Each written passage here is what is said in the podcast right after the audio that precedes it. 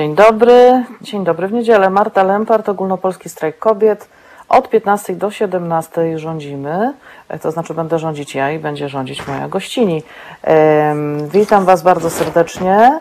E, Dzisiaj będę gościć z przyjemnością wielką e, osobę, którą oczywiście poznałam dzięki strajkowi kobiet i dzięki wspólnym protestom.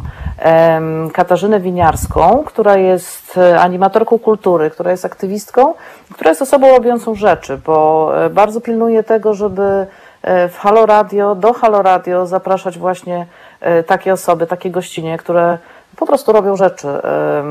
I to są osoby bardzo często niezwiązane e, tak ściśle ze strajkiem kobiet, nie do końca związane e, z ruchem kobiecym czy z ruchem feministycznym, e, natomiast niesamowite, przebojowe kobiety i dziewczyny, które dołączyły do nas, wsparły nas, były razem z nami, są razem z nami wtedy, kiedy trzeba, wtedy, kiedy się coś ważnego dzieje, a oprócz tego albo nawet głównie e, robią zupełnie inne, e, w- innych obszarach e, absolutnie fantastyczne rzeczy.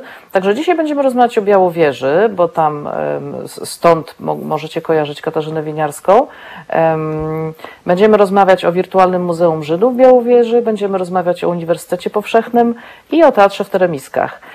Natomiast zanim zaczniemy, zanim się przywitam z moją gościnią, zanim ją tutaj zaproszę, no to podsumujemy sobie tydzień jak zwykle. E, No to Margo wyszła z więzienia, e, więc teraz nie wiadomo, e, co z tym zrobić. Szczególnie ci, którzy mówili, że bardzo dobrze, że, że, że tak właśnie się zdarzyło, że mm, została zamknięta w areszcie. Trochę zostali wszyscy broniący tego, tej decyzji sądu, jak Emil z angielskim. Trudno. Oprócz tego dzieją się rzeczy. Dzieją się rzeczy w Mińsku, na Białorusi, ale nie tylko w Mińsku, także w Grodnie, w Brześciu, w wielu innych miejscowościach. E, Dzisiaj są urodziny Aleksandra Łukaszenki. On sobie co prawda przeniósł na, na inny dzień, ale, ale no dzisiaj e, Białoruś mu e, po raz kolejny wypowiada posłuszeństwo niejako też z okazji jego urodzin. E, Wczoraj odbył się niesamowity, fantastyczny Marsz Kobiet e, w Mińsku i dzisiaj jest kontynuacja, to już jest zbiorowy, wspólny protest. No dzieje się niedobrze, OMON jest bardzo agresywny, bardzo brutalny, wczoraj sobie kompletnie nie poradzili, no więc dzisiaj nadrabiają, więc śledźcie to, co się dzieje na Białorusi. W przyszłym tygodniu moją gościnią będzie Wiktoria Bieliaszyn, dziennikarka, która była w Mińsku, m, kiedy zaczęły się protesty, która cały czas relacjonuje to, co dzieje się, to, co dzieje się w Białorusi, tak naprawdę trzeba mówić, e, a nie na, e, bo to jest kolonializm i powinniśmy przestać. E, Tak samo jak powinniśmy mówić w Ukrainie, a nie na Ukrainie.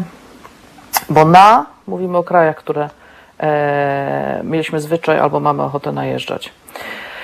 Także to o Białorusi. Oprócz tego, co się dzieje, dzieje się w Warszawie protest przeciwko nienawiści wobec osób LGBT, zorganizowany przez y, nowe, młode, świeże, że tak powiem, osoby, to znaczy osoby, które do tej pory nie organizowały przynajmniej protestów, natomiast uznały, że trzeba wziąć sprawy w swoje ręce. Zwróciły się też e, do nas tak zwanych starych o pomoc, e, więc mają wsparcie i, em, i Kordu, i Roberta Hojdy, którego powinniście kojarzyć z Kongresu Obywatelskich Ruchów Demokratycznych i dziewczyn z warszawskiego i kobiet z warszawskiego strajku kobiet, które oczywiście tam są z wielką tęczową sektorówką, świeżo uszytą, świeżo powstałą, ponieważ poprzednia nam zginęła. No wyobraźcie to sobie, że udało nam się zgubić wielką, wielką, ogromną tęczową flagę, no ale już mamy nową i ona jest właśnie teraz e, na placu defilat e, na proteście, który chyba jeszcze e, trwa, więc też zobaczcie relacje na ogólnopolskim strajku kobiet z tego, co się dzieje. Zobaczcie tych młodych ludzi. e, No to jest właśnie to, że tak naprawdę niedługo będziemy mogli wszyscy i mogły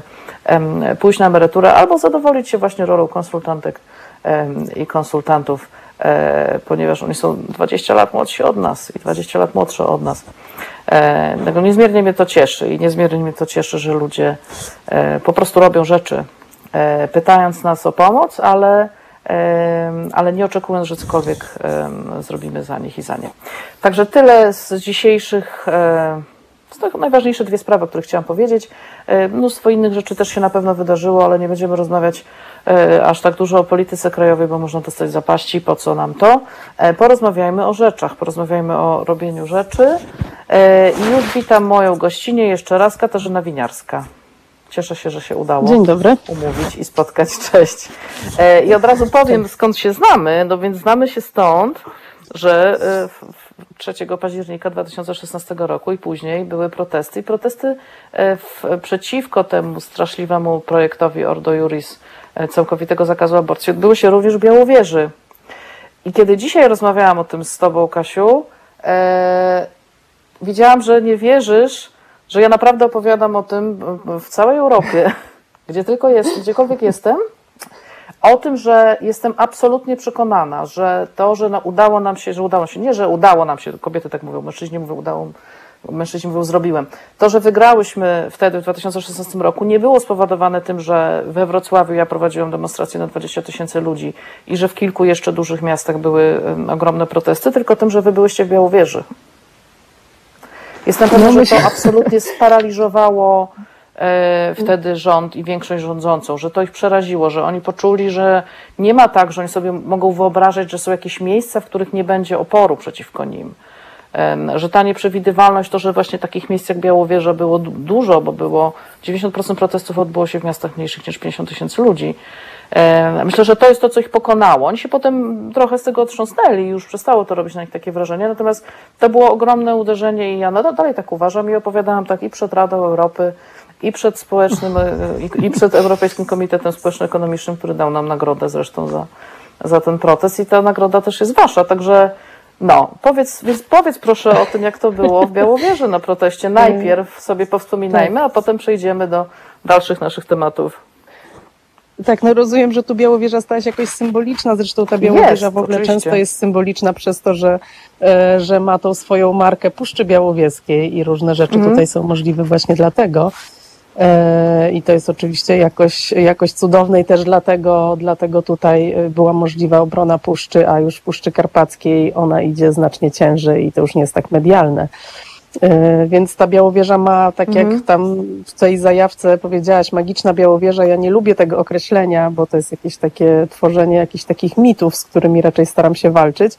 E, ale jakby na tym, jeśli na czymś ta, ta magiczność polega, no to trochę na tym, że, że po prostu dla ludzi z zewnątrz to, to hasło Białowieża robi rzeczy, które, których inna, inna nazwa, inna miejscowość w Polsce nie robi i to jest jakieś nasze mhm.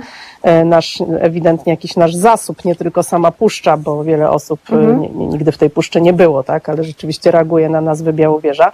No i w tym sensie my się staliśmy jakoś być może symboliczni i dlatego jakoś nas wymieniasz, że, mm, że rzeczywiście mhm. wśród tych ogromnej rzeszy, tych, tych małych miejscowości, które się odezwały, my byliśmy po prostu najmniejsi, bo my nawet nie jesteśmy miastem Białowieża, jest, mhm. jest gminą wiejską. Oczywiście raczej funkcjonuje bardziej jak miasteczko, i trudno jakby ją przymierzyć do takiej wsi, która, której na przykład ja mieszkam już po, po, po, pod Białowieżą, e, mhm. bo jednak jest bardzo specyficzna właśnie w tym, w tym swoim, e, w tej, no właśnie w tej swojej e, w tym byciu takim miejscem, które jest inne, no też przez tą puszczę, przez to, że przyciąga mhm. mnóstwo ludzi z zewnątrz, że jest takim, takim miejscem zbiegu przeróżnych, przeróżnych ludzi. E, więc nie jest taką zwyczajną wsią w tym sensie. Natomiast jeśli chodzi tak. o, o, administracyjne podziały, no to to była wieś i chyba jedyna wieś. Natomiast mi się wydaje, że to jakby wypływało z jakiejś takiej potrzeby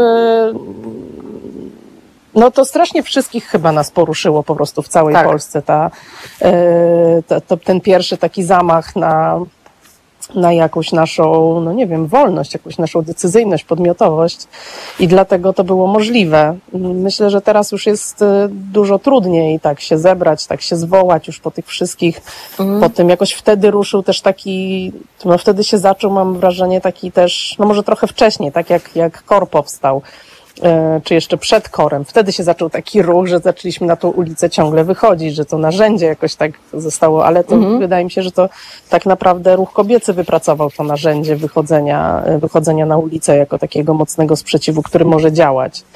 E, więc znaczy, teraz bo ja myślę, że to była tak jest, że ludzie są już przypadku... znudzeni, tak? Już teraz nie jest tak łatwo też tych ludzi wyciągnąć w takich małych miejscowościach, tak myślę. To też, znaczy ja myślę, że tu się wiele składa na to um, zdarzeń tak naprawdę, głównie ta E, ktoś o tym napisał ostatnio, że jak cię nie ma w TVN, to cię nie ma. Głównie ta, że ludzie, którzy się zajmują aktywizmem, aktywnością w małych i w średnich miejscowościach, e, mają dużo mniejsze wsparcie, czyli w momencie, kiedy tracą pracę. Oczywiście nikt ich oficjalnie za działania polityczne nie wyrzuca, ale albo tracą różne inne możliwości, nie wiem, prowadząc organizacje pozarządowe nagle, które kompletnie nie mają związku z akcjami protestowymi, nagle dowiadują się, że są trudności, czy z lokalem, czy z, z rzeczami, które jakby, no wiadomo, przyjmujemy za pewne. E, na przykład w stosunkach z naszym samorządem. I myślę, że to, to, to spowodowało, czyli to rozwarstwienie wsparcia, że jednak łatwiej jest widzieć działania i protesty w dużych miastach i ludzi, którzy o, oczywiście ponoszą tego konsekwencje i to ogromne, niż e, w małych i w średnich miejscowościach, no bo jak wiadomo, że jak coś nie dzieje się w Warszawie, to się w ogóle nie dzieje.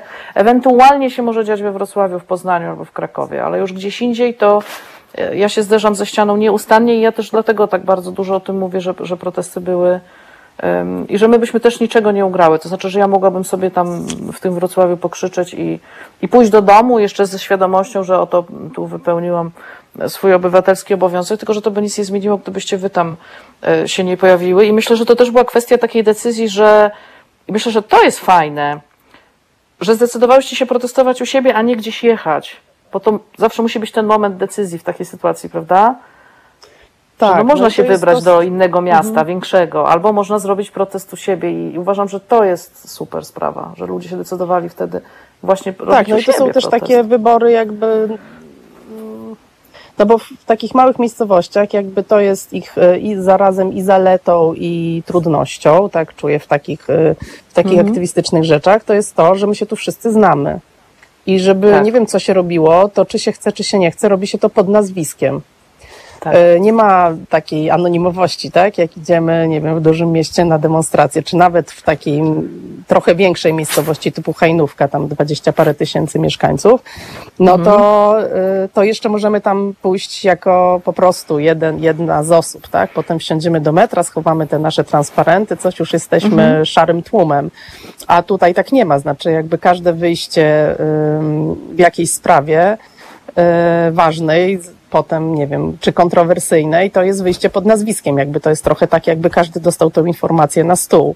E, tak. Więc oczywiście jest to dużo trudniejsze, tak, tak, e, tak myślę. I jeszcze o tyle, o ile ja i moja rodzina tutaj zawsze funkcjonowaliśmy na dość niezależnych zasadach. To znaczy, mając swoją fundację, y, też nigdy nie korzystaliśmy z pieniędzy lokalnych, raczej staraliśmy się te pieniądze tutaj do gminy ściągać. Nigdy nie korzystaliśmy z mhm. żadnych funduszy od gminy, z żadnych, e, z żadnych pieniędzy tutaj hajnowskich. Co najwyżej staraliśmy się o pieniądze, o dotacje w Urzędzie Marszałkowskim w Białymstoku. E, więc jakby też nie jesteśmy w takiej sieci zależności, że, mhm. E, że ktoś nam tutaj coś zabierze, tak? No nie wiem, oczywiście Albo zrobi przykrość. Utrudni e, rzecz No tak, no oczywiście grozi to przykrością, to, jest, to są grozi, to, grozi to relacjami różnymi, tak? Grozi to tym, że nie wiem, nie poślą dzieci na nasze zajęcia. Ale tak naprawdę w Białowieży też jest w pewnym sensie z różnymi sprawami łatwiej, bo Białowieża jest taką enklawą E, politycznie antypisowską, zawsze była, tak? Tutaj w mhm. powiecie hajnowskim mamy większość białoruską, prawosławną i tutaj nie ma chętnych do tego, żeby, mm, żeby się przyjaźnić i jakoś e, e, z obecnym rządem, tak? Więc jednak to jest zawsze takie miejsce, które głosuje przeciwko PiSowi. Mhm. Mm, więc też tutaj w takich politycznych rzeczach jest łatwiej. Już gorzej jest, e, już gorzej jest, kiedy, kiedy już tutaj teraz rozmawiamy o, o osobach LGBT, tak? To już jest znacznie trudniej. Bo to, to już wychodzi jakby poza, tylko poza, e, poza politykę, ale to już jest jakaś sprawa e, no już, już nie tylko na takiej linii podziału politycznego, prawda, tylko jednak jakichś stereotypów i, e, i generalnie no tak, no to, tak, to jest ponad, ponad homofobia jest ponad tak? podziałami niestety. Zdecydowanie. E, Natomiast to... w ogóle w Białowieży najistotniejszym podziałem to jest sprawa puszczy. Tak? I to jest mhm. coś, co tutaj, jeśli tutaj ludzi coś dzieli, tak, że to idzie w bardzo ostre konflikty, czasem zagrażające, to, to był konflikt o Puszczę w 2017 roku i mhm. wycinka, tak? To, to było coś, co jest dla, jakby zawsze było tutaj takim punktem zapalnym i trochę wszyscy siedzieli na, na bombie i ta bomba w 2017 roku wybuchła i to podzieliło nas bardzo. Bardzo konkretnie. I to bardzo konkretnie i to jest rzeczywiście bardzo trudne. Bo mieszkamy obok siebie. No, bo mieszkamy obok Cały siebie, czas. bo nagle stanęliśmy po przeciwnej stronie tych harwesterów, e, bo nagle spotykamy się z czy spotykaliśmy wtedy, teraz troszeczkę to jednak wyciszyło się, ale ile lat minęło, mhm. tak? Trzy lata minęły, żeby różne osoby zaczęły znowu mi się odkłaniać. Na dzień dobry to jest najla, najbardziej mhm. lajtowa rzecz, o której chcę powiedzieć tutaj, tak? Natomiast yy, no, by, była duża, duża agresja była między między osobami, z którymi wydawałoby się, że na przykład zbudowaliśmy relacje bardzo bliskie. Więc, e, więc to było tak naprawdę najtrudniejsze i to rzeczywiście spowodowało też takie często podziały po prostu przez środek rodzin. Mm, no właśnie to jest coś takiego, co się chyba nam w ogóle dzieje, że, że się ciężko siada do stołu i to jest coś okropnego, że, no, że ciężko usiąść razem no, ciężko usiąść i coraz, albo jest coraz więcej tematów, o których, które są tabu. Się nie no, rozmawia. Ja na przykład tak funkcjonuje z moją, z moją mamą, tak, że jest coraz więcej tematów, których nie poruszamy, bo, bo się kochamy i chcemy nadal y, mieć ze sobą bliską relację, ale możemy rozmawiać tylko o dzieciach. Oj, no ale zawsze można. E, zresztą o dialogu porozmawiamy, bo to jest duża część też Twojej pracy, e, więc za chwilę do tego wrócimy. Na razie włączymy sobie na chwilę muzę i za chwilę wracamy właśnie z, z, różnymi historiami dotyczącymi tego, co robisz e, w Białowieży, co się dzieje w Białowieży, co się działo kiedyś w Białowieży. I właśnie o dialogu będziemy rozmawiać. Także teraz chwila muzyczna i zaraz wracamy. Słuchajcie powtórki programu.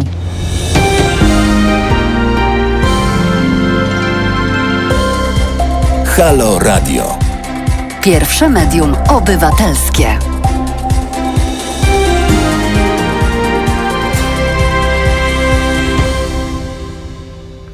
Jesteśmy. E, wracamy. Marta Lempart, Ogólnopolski Strajk Kobiet i Katarzyna Winiarska. E, z którą rozmawiamy o Białowieży. Będziemy rozmawiać o teremiskach. Rozmawialiśmy o protestach w Białowieży, o tym, że w 2016 roku, e, kiedy, uda, kiedy wygrałyśmy z rządem i z, i z rządzącą większością sprawę projektu straszliwego, całkowitego zakazu aborcji, to właśnie protesty między innymi w Białowieży przeważyły o tym, że PiS się cofnął, bo, bo to, to ich naprawdę przestraszyło, a nie protesty we Wrocławiu czy w Warszawie. Także bardzo się cieszę, e, że organizatorka e, tamtego, tamtych, tamtych działań jest dzisiaj z nami, e, ale rozmawiamy dzisiaj o trochę innych sprawach i o trochę innych rzeczach, chociaż rozmawiamy o robieniu rzeczy, rozmawiamy o aktywności obywatelskiej i zaczęłyśmy bardzo powoli przed przerwą rozmawiać o o dialogu, o rozmawianiu i dlatego myślę, że płynnie e, przejdziemy do trzech inicjatyw, które się dzieją, których jesteś twórczynią albo współtwórczynią, e, czyli po pierwsze Wirtualnego Muzeum e, Historii Żydów Białowieży, Uniwersytetu, Powszech, Uniwersytetu Powszechnego w Teremiskach, no i Teatru w Teremiskach. Jak to się stało, jak to się dzieje, jak to się zaczęło i czemu to służy, proszę Pani? Czemu to służy? Uniwersytet mnie najbardziej. Ja bym zaczęła od uniwersytetu, ale to jest Twój wybór, bo, bo też jest ważne, jest, co, było, co było po czym i co, od czego, co z czego wynikło, więc to chętnie, chętnie myślę, że wszyscy usłyszymy jakby w twoim, według Twojej kolejności. Tak, oczywiście wszystkie te rzeczy są ze sobą splecione i związane, ale rzeczywiście też, ale też mają swoją chronologię. E, to znaczy od Uniwersytetu Powszechnego imienia Jana Józefa Lipskiego w Teremiskach się zaczęło, to znaczy to był moment, kiedy kiedy w zasadzie świeżo po studiach e, przyjechałam tutaj razem z, z moim mężem Pawłem Winiarskim e, realizować wspólnie w zespole z Danutą Kuroń i Jackiem Kuroniem, jeszcze żyjącym wtedy, no taką ideę zupełnie, no nie wiem, idealistyczną bardzo mhm. poprawy świata przez, przez tworzenie miejsca edukacyjnego dla młodzieży, która takich możliwości edukacyjnych jest pozbawiona nie z własnej wininy, tylko z tego po prostu, że się znalazła na peryferiach Polski, które najbardziej dotknęła transformacja e, ustrojowa i gospodarcza, to jeszcze było w czasach e, przed e, wejściem do Unii Europejskiej, więc to był rzeczywiście taki moment najtrudniejszy chyba dla tamtych miejsc, dla byłych PGR-ów, dla małych miejscowości mhm. i wiosek. I wtedy wtedy przyjechaliśmy do Białowieży. Znaczy, przyjeżdżaliśmy tutaj wcześniej do Puszczy Knyszyńskiej i do Puszczy Białowieskiej, znaliśmy ten teren, więc szukając miejsca na taki pomysł, właśnie na realizację takiego programu, zupełnie e, niezależnego, nieformalnego, niepodlegającego pod żadne instytucje, e, w pełni twórczego i otwartego, no i jakoś tak naturalnie szukaliśmy po tych, w, w, tych terenach, tak? No i tak trafiliśmy do Puszczy Białowieskiej, do, do malutkiej wioski, tak zwanego Trójmiasta, które leżą naprawdę na takich polanach, e, polanach w środku puszczy, parę kilometrów od Białowieży. Mm, no i to, to jakby bez tego nic dalej by nie było, tak? Ani teatru w Stodole, ani tym bardziej zajmowania się historią Żydów w Białowieży. To wszystko jakby dzięki mhm. temu, że w ogóle tutaj przyjechałam. Zresztą nie, nie w ogóle nie miałam poczucia, że przyjeżdżam tu na zawsze. No jak się ma 25 lat, to takie pytania, czy ja wyjeżdżam na zawsze, to w ogóle to nie było istotne. Ważne było, że jest y, idea do zrobienia i ja chcę to robić, tak? Natomiast jakby sam uniwersytet w takiej formie, w jakiej zaczęliśmy i w jakiej on był naj, e, najważniejszy i miał najwięcej do zrobienia, czyli w takiej formie stacjonarnego pobytu dwudziestki osób e, przez dziewięć miesięcy tu z nami, tworzenia rodzaju takiej komuny edukacyjnej, ale też takiego wspólnego życia, bycia razem. E, no to już się skończył wiele lat temu. Potem uniwersytet e, jako fundacja, no bo my jakby funkcjonowaliśmy w ramach naszej fundacji, Fundacji Edukacyjnej Jacka Kuronia. Uniwersytet był takim nieformalnym programem jakby tej fundacji naszej. E, no to w ramach fundacji zaczęliśmy bardziej działać w samej Białowieży i stamtąd i, w, i wtedy od tego 2008 roku jakby to był dla mnie taki moment wejścia w samą, w samą miejscowość, w samą Białowieżę, tak? Bo wcześniej byliśmy w uniwersytecie skupieni na naszej wewnętrznej pracy yy, i realizowaliśmy wprawdzie też takie działania animacyjne, ucząc studentów tej, te, takich działań i z dziećmi z domu dziecka z Białowieży, robiliśmy jakieś festiwale filmowe o prawach człowieka. Natomiast jakby generalnie byliśmy skupieni na tej grupie, na tym byciu naszym tutaj bardzo intensywnym programie i mało znaliśmy, mało znaliśmy środowisko same białowieskie. Natomiast kiedy zajęliśmy zajęliśmy się po zamknięciu tego programu stacjonarnego, zajęliśmy się pracą w samej Białowieży i też z grupy 18-latków, 20-latków zajęliśmy się przedszkolakami. Mm, na początku, tak, jakby idąc dalej, potem z coraz starszymi, ale też to przedszkole było takim momentem wejścia w, w Białowieżę, też trochę dlatego, że nasze dziecko poszło do przedszkola i to nam dało takie wejście w to środowisko i zobaczenie problemów, y, jakie tutaj są na miejscu, w takiej miejscowości po prostu. Y, no to był taki, taki właśnie moment jakby w ogóle poznania tego środowiska, tak, też poprzez to, że właśnie weszliśmy w środowisko nauczycieli, rodziców, innych rodziców, innych dzieci, zaczęliśmy jeździć do tej, my przez lata nie mieliśmy samochodu, więc też się śmialiśmy, że takim naszym e, warsztatem naszej pracy jest jeżdżenie PKS-em, to, to mój mąż ukuł takie, e, takie powiedzenie, że to jest, że jak ktoś chce być socjologiem e, albo animatorem, to powinien nie mieć samochodu, jeździć PKS-em, bo rzeczywiście ilość, liczba rozmów i różnych relacji, które się dzięki temu staniu na, przystan, na przystankach godzinami, jeżdżeniu tym PKS-em i wynikła, rzeczywiście była też, no tak, nie, nie, nie do przecenienia. E, I e, no, i z tego wejścia z kolei w Białowieżę, e, jakby z, zaczął się też, zaczął się też taki kontakt z, potem mój z, ze starymi ludźmi, których poszłam pytać o tą żydowską historię która zresztą, jakby to wszystko tak ciężko nawet ustawić chronologicznie, bo to się wszystko jakoś tam razem zazębiało jeszcze z tym teatrem. E, dlatego, że ja w uniwersytecie odpowiadałam, no poza tym, że odpowiadałam za milion rzeczy i za to, że e, że nie wiem, było co jeść na obiad i ten program się toczył i wszyscy wykładowcy wiedzieli, kiedy kto ma przyjechać i tak dalej. I że jakoś żeśmy toczyli to nasze wspólne życie z dwudziestką młodych ludzi no to też prowadziłam program edukacji międzykulturowej, e, który no jakby korzystał z tego, że, że jesteśmy. Właśnie Halo? Edukacji między. Czyli na czym, na czym to polegało? Bo ja to przeczytałam e, i teraz tak? E, to jest bardzo pojemne, to jest bardzo pojemne pojęcie.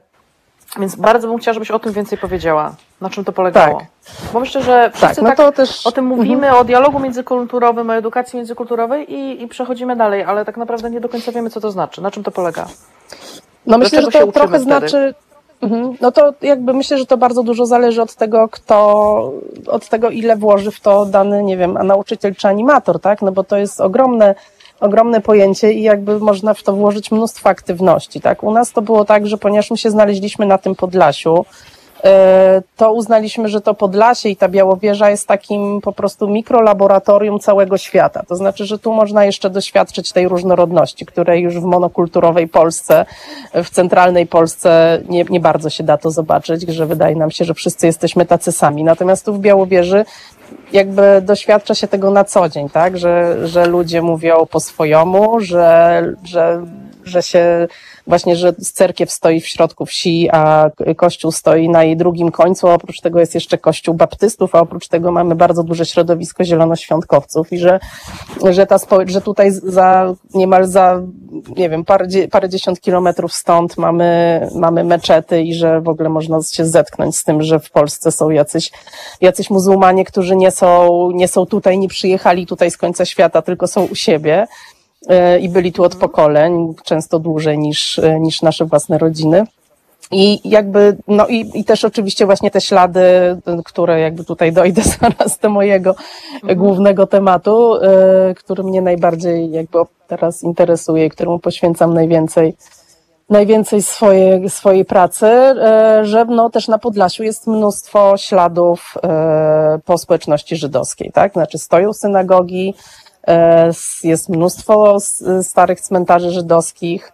E, jak się wjeżdża do miejscowości różnych, o których chcemy się czegoś dowiedzieć, to się okazuje, że to są miejscowości, w których było 70, 80, czasem 90% Żydów przed wojną.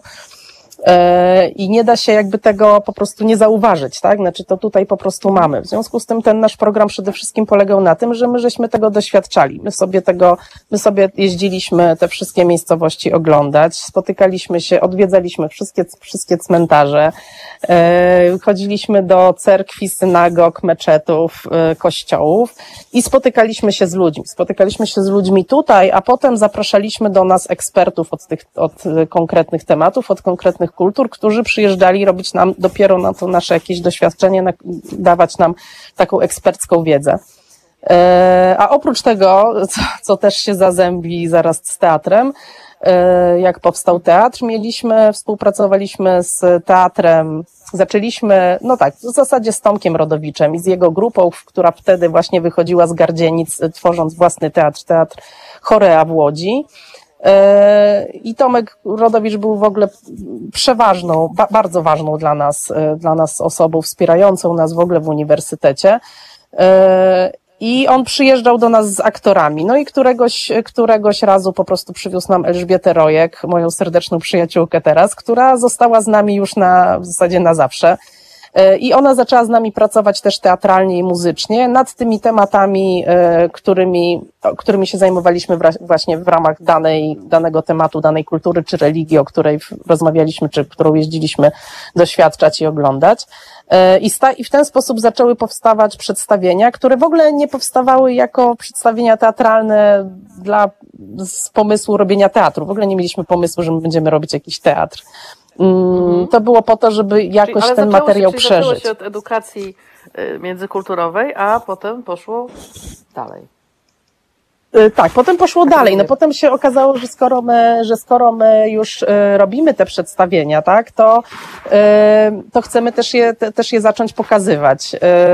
I takim impulsem do tego, żeby one zostały pokazywane, było to, że też przyjaźniliśmy się bardzo z ośrodkiem, czy przyjaźnimy nadal z ośrodkiem Pogranicze w Sejnach, e, z Bożeną Schroeder, która ma przepiękne przedstawienie, o którym na pewno wiesz i mhm. wiedzą, wie wielu słuchaczy. E, Kroniki Sejneńskie, które już właśnie miało ostatnio premierę z piątym zespołem dzieci, e, po prostu od lat opowiada te kroniki sejneńskie. E, z kolejnymi dziećmi i, przy, i ponieważ żeśmy się z nimi przyjaźnili, oni przyjechali do nas kiedyś w wakacje pracować nad swoim spektaklem i po dwóch tygodniach pracy u nas w uniwersytecie Bożena powiedziała, no dobrze, to pokażmy gdzieś tutaj sąsiadom, tu, tu kręciliśmy się po tej wsi dwa tygodnie, pokażmy im na jakim etapie mamy to przedstawienie, zagramy dla nich. No tylko gdzie? No nie ma gdzie, no w uniwersytecie za mało miejsca, tych dzieciaków jest tam, nie wiem, 20 osób, no gdzieś to trzeba pokazać. W tym czasie my żeśmy już z mężem kupili y, nasz dom, gospodarstwo takie stare tutaj we wsi, ale ono było jeszcze w ogóle nieruszone. Nie zaczęliśmy ani remontu, ani sprzątania, nic. No to jeszcze było, a to, no ono było w bardzo złym stanie i w ogóle trochę nie wiedzieliśmy sami, co tam jeszcze jest i jak się za to zabrać, nie było na to czasu. No ale poszliśmy, no dobra, to może gdzieś tu na podwórku, no zaczęliśmy oglądać te nasze różne budynki, jakieś stodo, stodoły i obory. No i jedna z tych stodół była zawalona, ale druga z tych stodół stała, porządna, duża stodoła. I weszliśmy tam, a ona była jeszcze taka jak prawdziwa stodoła, ze słomą, sianem, w ogóle wszystkim. I Bożena mówi, to tu zagramy. No i rzeczywiście żeśmy to posprzątali razem z tymi dziećmi tą stodołę i oni w skarpetkach na takim fragmencie betonowym, który tam na środku jest taki wybetonowany, mając za sobą tą słomę i siano, zagrali to przedstawienie dla tutaj naszych, y, no głównie starszych pań ze wsi, no nie wiem ile ich przyszło, 15. I to było takie pierwsze przedstawienie, które się w tej stodole odbyło i wtedy Bożena, która jest też magiczną osobą i mm, prze, no nie wiem, przeuroczą, przecudowną, ale też z ogromną charyzmą, powiedziała wtedy do nas, no teraz to już musicie tu robić teatr, bo jak nie, to ta stodoła wam spłonie. No i rzuciła na nas taki czar. To było groźne, ale to było, w jej ustach to nie było groźne, to było jakieś takie, nie wiem, profetyczne. I, e, no i rzeczywiście to się nałożyło z tym, że my też mieliśmy te przedstawienia z naszymi studentami, które szkoda było ich nie pokazywać. Na tą naszą przyjaźń z Tomkiem, który powiedział, no dobra, to my przyjedziemy, pokażemy jakieś nasze przedstawienie i w ten sposób rzeczywiście uruchomiliśmy, już w następnym roku zrobiliśmy spotkania teatralne, na które przyjechało tutaj trzy grupy trzy grupy teatralne też z młodzieżą i e, i to był pierwszy taki pokaz, już, już bez tej słomy, bez siana, żeśmy tam przygotowali częściowo tą stodołę, żeby tam weszło więcej osób. Potem zbudowaliśmy widownię. No już później ten teatr się rozrósł z normalną sceną, teraz taką spełniającą wiele wymogów wymogi, do, do tego, żeby tak pokazywać. Wymogi. No tak, no tak zwane wymogi. No już teraz tutaj są koncerty na dwa fortepiany, więc I rzeczywiście, e, no i to też się okazało, że jest taka duża potrzeba tego teatru, że to nie tylko, że my chcemy pokazać, bo na te pierwsze spotkania teatralne, mimo że my powiesiliśmy tylko plakat pod naszym sklepem tu we wsi, zapraszając ludzi ze wsi na to przedstawienie, nagle się okazało, że przyszło, przyszło mnóstwo ludzi i że to nie są ludzie od nas ze wsi, tylko są ludzie coś z Białowieży, jacyś turyści, że pocztą pantoflową ta informacja o tym, że tu się coś dzieje, się rozeszła. E, i, I dostaliśmy taki sygnał, no tak, my chcemy przychodzić do teatru, róbcie ten teatr tutaj. I początkowo bazowaliśmy na dość dużej grupie naszych przyjaciół y, związanych z teatrem i z muzyką, którzy po prostu przyjeżdżali na, na fali tego, że fajnie jest zagrać w Stodole w Teremiskach i że byli gotowi mm. dla nas to zrobić. E, no i rzeczywiście to było niebywałe, bo tu było mnóstwo ludzi przychodziło. No i w którymś momencie uznaliśmy, no dobra, no to teraz musimy rzeczywiście ten teatr robić, tak? I stał się, ten program e, teatralny stał się takim, takim osobnym programem, który fundacja fundacja prowadziła, na który już, już musiałam zacząć zdobywać fundusze, żeby już mieć za, za co tych artystów zapraszać, bo też jakby nie ma powodu, żeby mieli robić wszystko za darmo dla mnie. No oczywiście. E, Natomiast jakby nigdy nie chcieliśmy robić tych, tych, tych, tych wydarzeń biletowanych, tak? Bo zależało nam jednak, żeby to pozostało miejsce, do którego może też przyjść tutaj pani z sąsiedztwa, czy, e, czy chłopaki ze wsi, którzy pracują w tartaku i, i nigdzie indziej, nigdy w życiu w żadnym teatrze nie byli i nie będą. Więc, e, więc nigdy nie mieliśmy żadnych biletowanych, biletowanych wejść.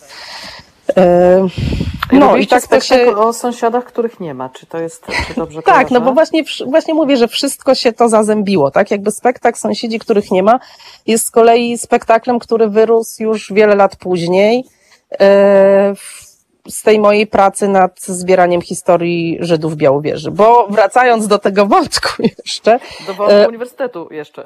E, no tak, no bo w związku z tym moim programem edukacji międzykulturowej, ponieważ my żeśmy tropili te wszystkie ślady różnych kultur tutaj po całej okolicy, bardzo szybko jakby stało, stanęło przede mną takie pytanie, no dobrze, no to mamy tutaj synagogę oczywiście w Tykocinie ogromną, mamy mniejsze synagogi i cmentarze w tych wszystkich miejscowościach okolicznych, nawet mamy synagogę w Orli, mamy cmentarz w Narewce, a co z Białowieżą? Przecież tu musieli być też Żydzi, tak?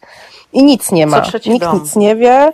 Nikt nic nie wie, nie ma synagogi, nie ma cmentarza. Jak się kogoś pytam, to wszyscy mówią, nie, nie, tutaj, to tam, tutaj, to paru Żydów na krzyż, to nic tu nie było.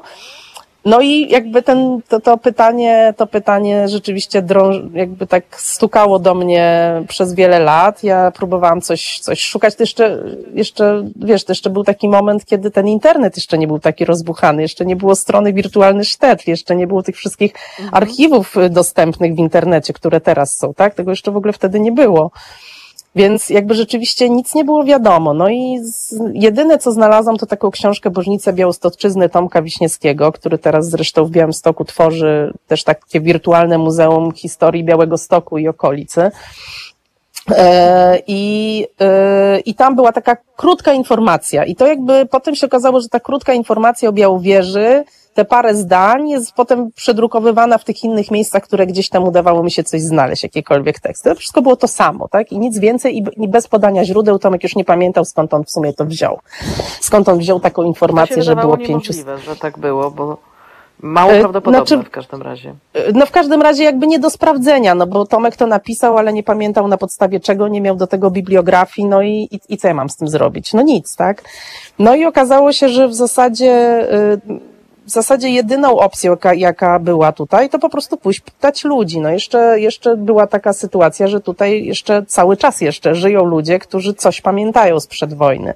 No i ja poszłam rozmawiać z ludźmi. To się okazał strzał w dziesiątkę, bo bo ludzie pamiętali mnóstwo, tak? Pamiętali imiona, nazwiska, historię, kto gdzie mieszkał, byli mi w stanie pokazać te najważniejsze, mm, jakoś takie istotne domy, takie, nie wiem, piekarnie prynca, czy właśnie gdzie, gdzie był synagoga czy sklep Alkona, najbogatszego Żyda. No jakby takie rzeczywiście szereg tych imion, takich e, najbardziej znanych się, się, się powtarzał. E, I dzięki temu w ogóle mogłam zacząć, zacząć szukać dalej. Jeszcze do tego wszystkiego do, przychodziły takie dodatkowe dodatkowe wzmocnienia dla mnie, no bo ja się zaczynałam zajmować tym tematem, potem to odkładałam, no bo tu były inne rzeczy, trzeba było tutaj z tymi studentami naszymi, albo potem z tymi dziećmi, jeszcze mi się urodziły dzieci, no jakby to ten temat gdzieś tam, miałam takie fale, tak? E, I rzeczywiście też tak mnie w tych falach e, wzmacniały różne takie sygnały. Ja to jestem raczej racjonalistka i nie wierzę w takie różne czary-mary ale rzeczywiście spotykały nas różne, różne znaki i takie miałam poczucie, że nie bez powodu one akurat do nas trafiają. Na przykład w tym domu właśnie, który kupiliśmy w tym gospodarstwie, yy, znaleźliśmy, yy, znaleźliśmy fragment złamanej macewy. No proszę. Która gdzieś, yy, Czyli która cmentarze gdzieś w były. gospodarstwie. Znaczy cmentarza w Białowieży nie było. To musiała być macewa, fragment macewy z narewki, mhm. co zresztą się jakoś składa z historią tej rodziny po której dom kupiliśmy, bo te nasze wszystkie wsie były spalone przez Niemców. E, I potem rodziny, jak wracały po wojnie i odbudowywały dom, no to mieszkały w tym czasie gdzieś, gdzieś w okolicy. No i ci nasi gospodarze mieszkali w Narewce. Więc to, że tutaj akurat znalazł się fragment macewy z, z narewki, wydaje się być dość oczywiste. Nie mam oczywiście pewności, że ona była z narewki, no ale skąd miała być? Mhm. E, bo na tej macewie nie da się odczytać. Jeden ze znaków. No to był jeden z tych znaków, tak? A jeszcze wcześniej była taka historia, że w, w tym budynku uniwersytetu, jeszcze świętej pamięci pan Gwaj, taki tutaj z Białowieży, który był przez lata radnym, mm, Przyszedł kiedyś na takie wydarzenie, pokazywaliśmy, ponieważ nasza stodoła działa tylko latem, tak, no bo to jest nieogrzewany budynek, to jak mieliśmy mniejsze wydarzenia, to pokazywaliśmy je w budynku uniwersytetu i kiedyś zaprosiłam z kolei z Teatru NN z Bramy Grodzkiej Tomasza Dąbrowskiego, który przyjechał z takim opowieścią, z taką opowieścią Tajbełę i jej demon z Ingera i taką opowiedział taki monodram, właśnie e, piękną historię u nas. No i potem było takie spotkanie z publicznością na którym właśnie y, ten pan Gwaj y, powiedział mi, pani Kasiu, pani się musi zająć tym tematem, bo jak pani się nie zajmie historią Żydów w Białowieży, to nikt się nim nie zajmie, a szkoła, w której tutaj macie uniwersytet, to jest szkoła, y, to jest budynek synagogi z Białowieży. No i to było oczywiście dla mnie jakimś dostałam po prostu młotem w głowę. Teraz wiem, że to nie był budynek synagogi, natomiast był to budynek szkoły żydowskiej, która powstała koło synagogi tuż przed wojną.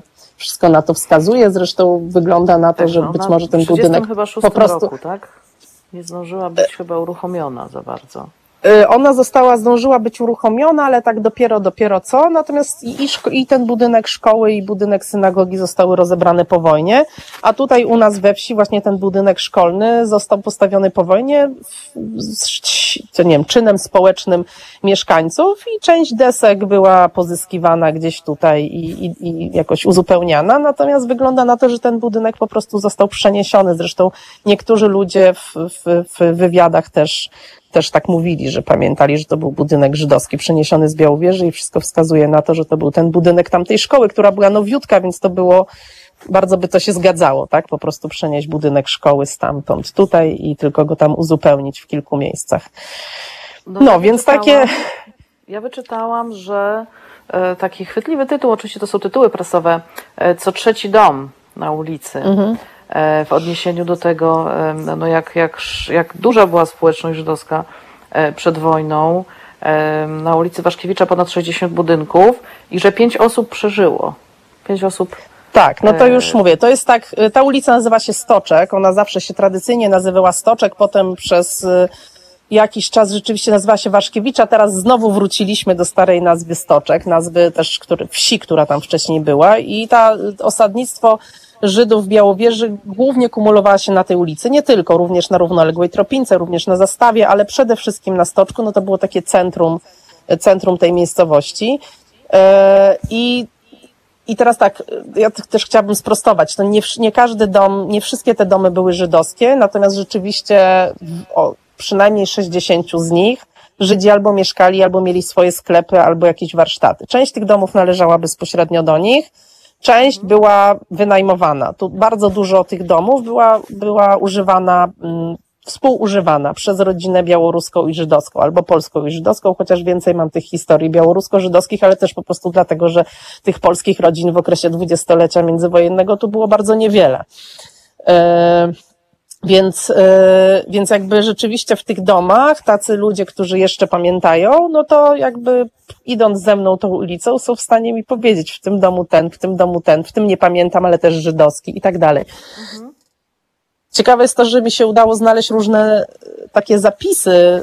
Yy, niektórzy sobie zapisywali, tak? Jakby już po wojnie mieli taką intencję E, na przykład taka pani doktor, e, pani doktor z Białowieży po wojnie zapisała sobie swoich pacjentów, tych żydowskich i tru, bardzo trudno jest przeczytać te jej notatki, no bo one, ona tak skacze, raz opisuje tych, te domy z jednej strony ulicy, raz z drugiej, odnosi się do jakiejś swojej mhm. własnej mapy w głowie. Natomiast tam też widać, ile, ile tych, ilu tych pacjentów w ilu domach ona miała, tak? Więc y, rzeczywiście, no po prostu tam było bardzo dużo tych, tych Żydów, bardzo dużo. Ciężko powiedzieć ile, ja do tej zaraz, pory nie wiem. Zaraz o tym porozmawiamy, tylko króciutka przerwa e, na muzykę i wrócimy i porozmawiamy w takim razie o miejscach pamięci, bo to też jest ważne, no, co się dzieje teraz i co, co udało Ci się i to nie udało Ci się, to co zrobiłaś i to co wypracowałaś i to co odnalazłaś, to co opisałaś, czyli co możemy zobaczyć teraz i, i, i, gdzie możemy zobaczyć to, co jest e, warte zobaczenia. Także krótka przerwa i za chwilę wracamy. To jest powtórka programu.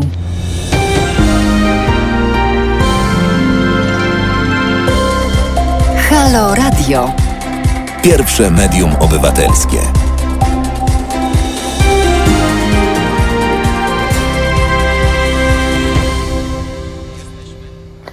I jesteśmy z powrotem. Marta Lempart, Ogólnopolski Strajk Kobiet. Rozmawiam dzisiaj z Katarzyną Winiarską. Rozmawiamy o Uniwersytecie Powszechnym w Teremiskach. Rozmawiamy o, zaczniemy za chwilę tak naprawdę rozmawiać o wirtualnym Muzeum Historii Żydów w Białowieży i rozmawiamy o Teatrze w Stodole, o Teatrze w Teremiskach. No i tak naprawdę skończyłyśmy przed chwilą, przed przerwą, mówiłyśmy, zaczęłyśmy mówić o tym, co było przed wojną, ile osób, po których już tak naprawdę nie ma żadnych śladów, e, mieszkało w Białowieży, e, o tym, że pięć osób ze społeczności żydowskiej ówczesnej przeżyło wojnę, wróciło, czy też nie wróciło do Białowieży. E, no i zaczęłyśmy mówić o miejscach pamięci. I, I o to chcę Cię zapytać, co teraz można i trzeba zobaczyć, co teraz można i trzeba wiedzieć i, i jak wygląda Twoja praca nad tym, żeby to, żeby to zebrać i żebyśmy mogli teraz i mogły z, z tego wszystkiego korzystać. Ojejku, strasznie dużo powiedziałaś zdań i pytań w jednym, więc zacznę od początku. To nie jest tak, że, że nie zostały ślady, bo właśnie tych śladów jest mnóstwo, bo jakby Białowieża stoi jak stała przed wojną i y, można dokładnie zobaczyć e, te domy, te miejsca y, i dotknąć, niemal poczuć tą, tą przedwojenną, przedwojenną historię, więc to nie jest tak, że nie ma, nic nie zostało. Zos udało mi się też odnaleźć wielu potomków, więc też e, w tym sensie zostało, że e, że jednak są też te rodziny, co rzeczywiście jak zaczynałam wydawało mi się nieprawdopodobne. Znaczy, ponieważ zaczynałam w takiej totalnej pustce i niewiedzy zupełnej i takim, że nic nie wiadomo i tak naprawdę nikogo tu nie było, to miałam takie poczucie, że, że się zajmuję taką historią, jak tutaj archeolodzy na kurhanach w teremiskach, tak, że, że to jest po prostu świat, którego, znaczy, że nie ma, znaczy w ogóle, że to nie jest świat, że ja dotknę kogoś żywego, znaczy wydawało mi się to kompletnie mhm. e, niemożliwe. E, a, no, a, a, a w którymś momencie się okazało możliwe, tak jeszcze zaczęłam znajdować i potomków i, i znalazłam jednego ocalonego, nadal żyjącego, co było dla mnie e, ogromnym, e, ogromnym jakimś ważnym doświadczeniem i w całej tej mojej pracy nad projektem, ale też, też jakby w moim osobistym doświadczeniu poznanie Davida. Że nikt nie wrócił, jedna osoba wróciła, tak? To też jest mhm. ciekawa historia, że z tych pięciu osób, które przeżyły, przynajmniej takich pięciu, o których, y, o których coś mi się udało dowiedzieć, y, jeden y, Izrael Malecki wrócił, ludzie go pamiętają, bardzo dużo ludzi go pamięta. Był tutaj około pół roku, natomiast nie udało mi się znaleźć żadnych, żadnego kontaktu z jego potomkami. E, mimo że on złożył, e, złożył w, w Centralnej Komisji Żydów Polskich, która, w której można było się rejestrować jako ocaleni, on się, on się zarejestrował jako ocalały, natomiast y, napisał tam, że ma brata w Brazylii, że ma brata we Francji, podał różne swoje dane i zniknął. To znaczy ludzie mówią, że prawdopodobnie wyjechał, wyjechał do Izraela, tak się tu mówi, natomiast to nie jest żadna pewna informacja, że on wyjechał tam, ale jest prawdopodobna dlatego, że złożył również sporo świadectw w Yad Vashem. E, gdzie się, mhm. gdzie można było, znaczy on nie składał świadectw jakichś takich bardzo pisa, nie wiem, historii, natomiast można tam e, rejestrować ludzi, o których się wie, że zginęli w zagładzie, tak, i podawać ich dane na tyle, ile je się zna, ile się je zna. I on część takich, e, część tych świadectw tam złożył. No i to jednak zazwyczaj robili ludzie, którzy po prostu trafili do Izraela. E, natomiast nie udało mi się go znaleźć, mimo pomocy Żydowskiego Instytutu Historycznego. E, udało mi się znaleźć różne inne osoby, które składały te, te, te zeznania dotyczące swoich rodzin i, po, i pokazywały, że są na przykład córką, tak? Jakby to pokrewieństwo tam też czasem podają, dlatego ja ich zaczęłam szukać. E, natomiast tego Izraela Maleckiego nie udało mi się znaleźć, ale odezwała się na przykład rodzina Maleckich do mnie z Brazylii, rodzina tego brata i się okazało, że on nie poinformował swoich braci o tym, że przeżył. Więc, yy, więc wygląda na to, że po prostu chciał po sobie zatrzeć, zatrzeć ślady łącznie, łącznie ze śladami swoich, swojej rodziny, się, z którymi nie nawiązał relacji po wojnie. Więc on wrócił, ale potem ślad po nim zaginął. Natomiast, yy, natomiast udało mi się odnaleźć Davida Waltrzana, czy Davida Waltshona teraz, który mieszka w Stanach, który z kolei nigdy nie wrócił i nigdzie nie złożył swojej relacji wcześniej i też go ludzie tu nie pamiętają. Znaczy tej rodziny jego nikt nie pamięta.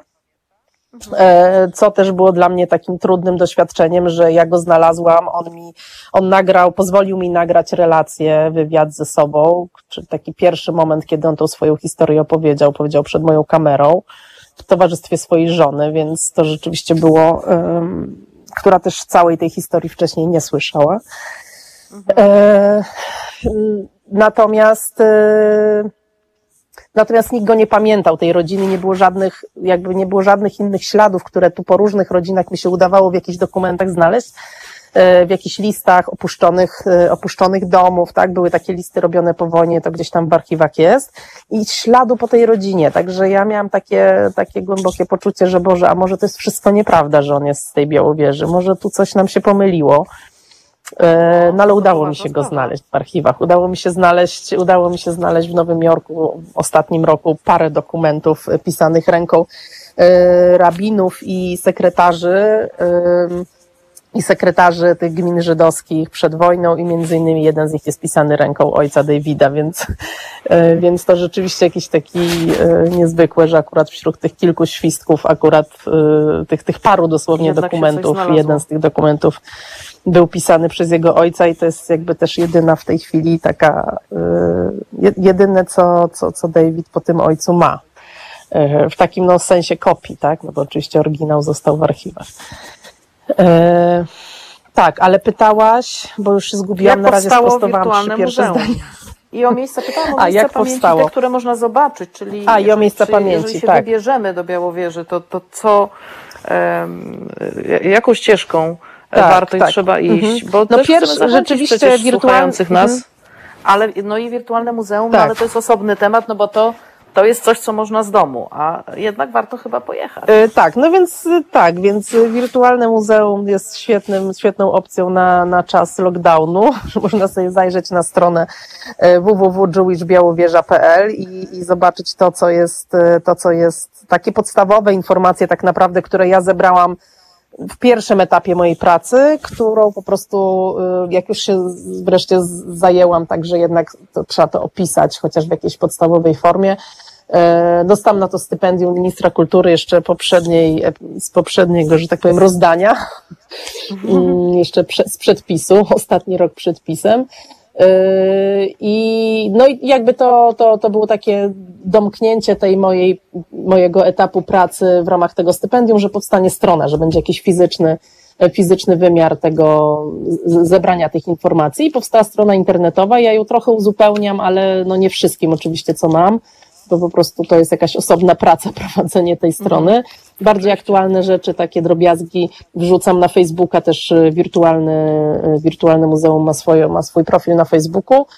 E, I, no i to był taki, taki pierwszy moment, kiedy w ogóle o tych Żydach w Białowieży powiedziałam też publicznie, bo wcześniej chodziłam, rozmawiałam z, z różnymi no, starymi ludźmi, najstarszymi, którzy bardzo serdecznie mnie przyjmowali i po prostu często było tak, że miałam poczucie, że oni tylko czekali, żeby ktoś przyszedł, żeby oni wreszcie mogli te wszystkie imiona, nazwiska i, no i często też swoje życie komuś opowiedzieć.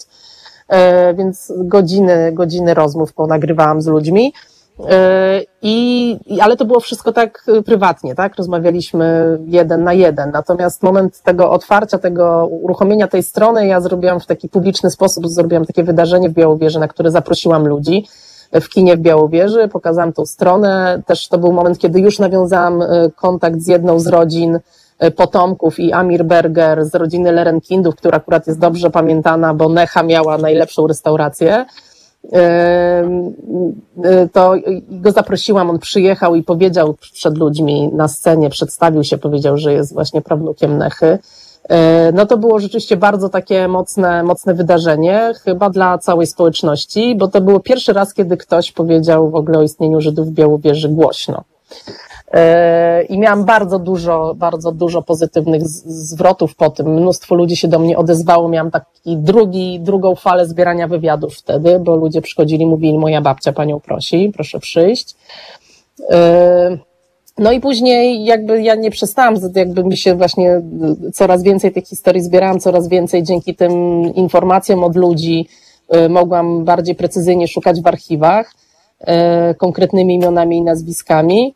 No i w którymś momencie pojechałam też, pojechałam też do Izraela spotkać się właśnie z potomkami tych rodzin, które wyjechały przed wojną i w sumie, które bardzo mało wiedziały same o tej Białowieży. Natomiast ja chciałam z nimi porozmawiać o tych, właśnie o tych no to kobietach akurat, to wszystko kobiety, o tych kobietach, babciach tych osób, które wyjechały, babciach i matkach, które wyjechały stąd właśnie w tych latach 30. czy 20. I to był taki moment też wtedy, że ja poznałam tych izraelskich potomków między sobą, bo okazało się, że oni się też nie znają między sobą i dość szybko doszliśmy do tego, że owszem, oni się nie znają, ale te ich babcie to się znały ze sobą, tak? I one w tym Izraelu utrzymywały ze sobą kontakty i oni jako dzieci, tam jeden z tych mm, z tych y, panów sobie przypomniał, że jako dziecko on chodził pod taki tam konkretny adres ze swoją babcią do jakiejś pani, tak? I to się okazało, że właśnie on chodził chodził do tej drugiej, do tej drugiej białowieżanki. E, no i to był taki moment też jakby istotny i dla nich, i dla nas, że tak sobie pomyśleli, pomyśleliśmy, że kurczę, no mamy jeszcze tych potomków też w Stanach i ja jeszcze znalazłam różne rodziny naprawdę rozsiane po całym świecie i w RPA jest jedna rodzina i w Australii i, e, i sobie pomyśleliśmy, kurczę, to jakby to było fantastycznie zaprosić ich wszystkich do tej Białowieży, żeby oni tutaj mogli się przyjechać i spotkać. No ale potem sobie pomyślałam, ale to straszny wstyd, bo my tu nie mamy żadnego w ogóle, no nic, no nie mamy żadnego upamiętnienia, słowa napisanego na tablicy, no nic nie mamy. Do, do czego ja ich tu zaproszę? Żeby przyjechali, zobaczyli, że nikt ich tu nie pamięta. E, no i wtedy, wtedy powstał pomysł, żeby zrobić e, upamiętnienie. Mi bardzo zależało, żeby to upamiętnienie historii żydowskiej nie było tylko upamiętnieniem zagłady. E, Właśnie, dlatego to jest też tylko miejsce pamięci ludzi, którzy byli.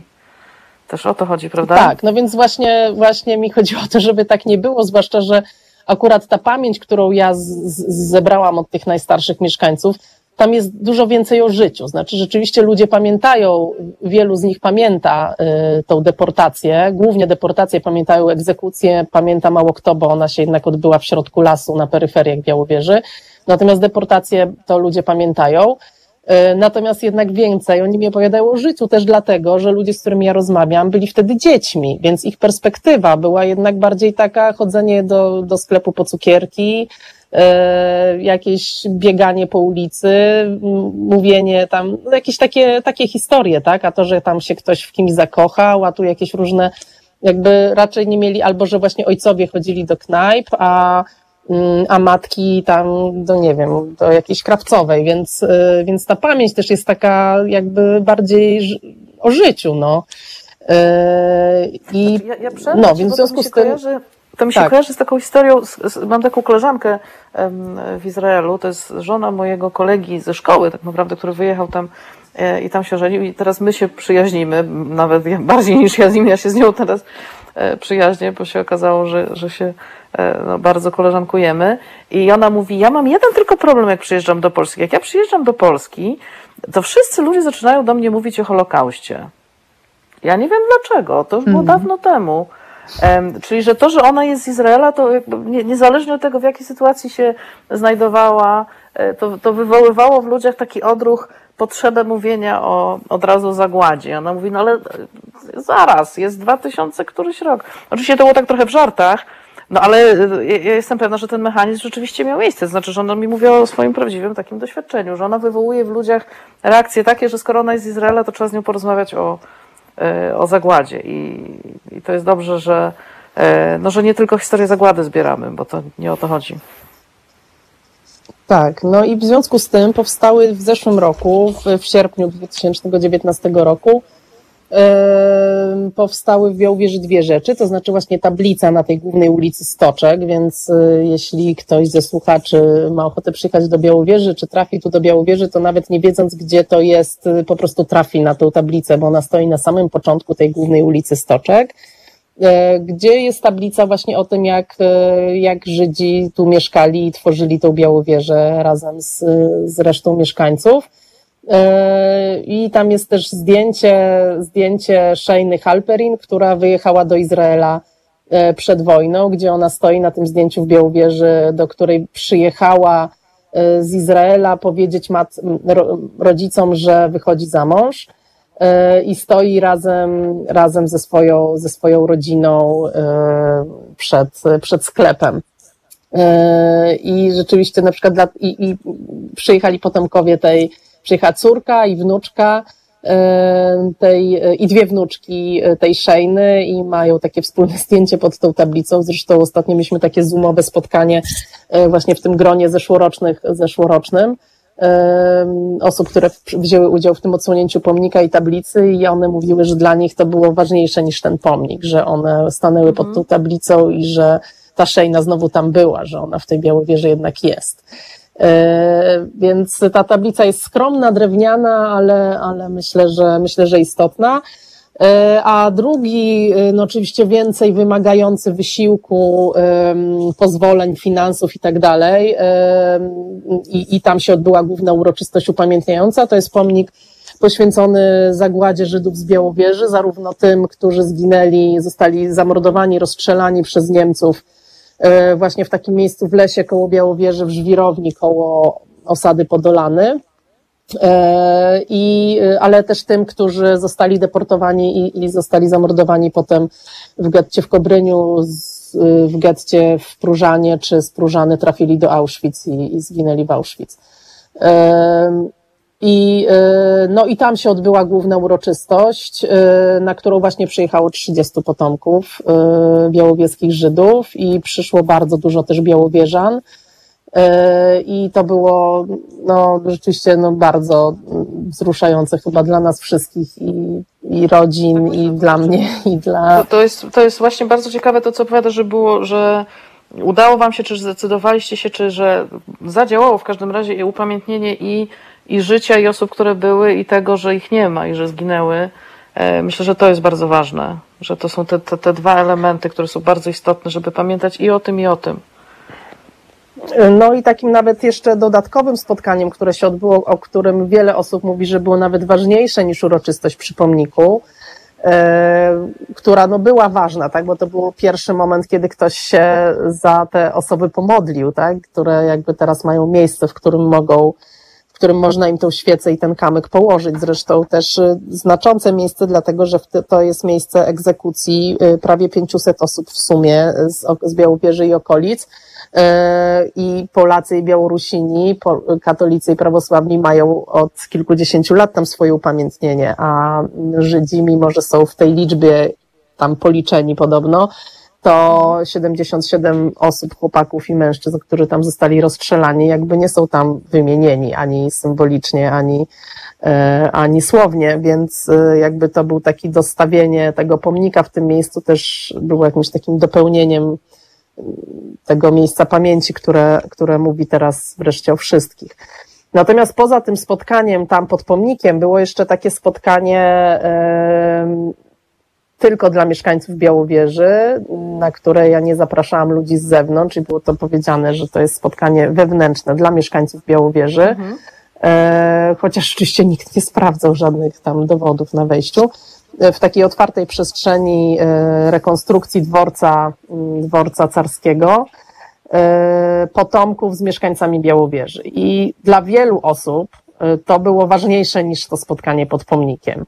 E, to znaczy, rzeczywiście ja sama się nie spodziewałam, e, jak to spotkanie pójdzie. Byłam tak e, jakby zaaferowana tym wszystkim i, i naprawdę nie wiedziałam, w co mam ręce włożyć, że jak mnie Paweł spytał, jak już szliśmy na to spotkanie, tam poprosiłam koleżanki z Białowieży, żeby one zorganizowały te stoliki, jakąś kawę, coś, żeby jakby tą przestrzeń ogarnęły, tak? I rzeczywiście one mi bardzo pomogły, po prostu zdjęły ze mnie to jedno zadanie i to zorganizowały. Dziewczyny, chłopaki też.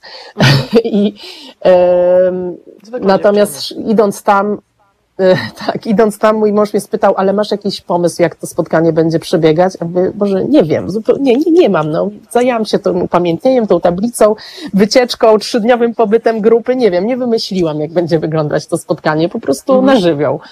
E, i, yy, I rzeczywiście wyszliśmy tam i ja po prostu poprosiłam te osoby, te przedstawicieli tych rodzin, potomków, którzy tam byli, żeby powiedzieli dwa słowa o sobie. Oni też nie chcieli dużo mówić, dlatego że mieli przygotowane mowy na następny dzień pod pomnik.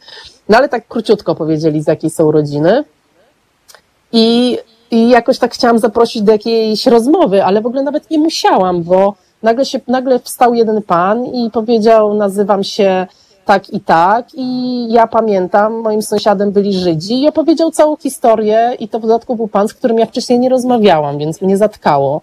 E, I nie rozmawiałam z nim dlatego, że on od lat mieszka na Mazurach i przyjechał tutaj tylko na chwilę.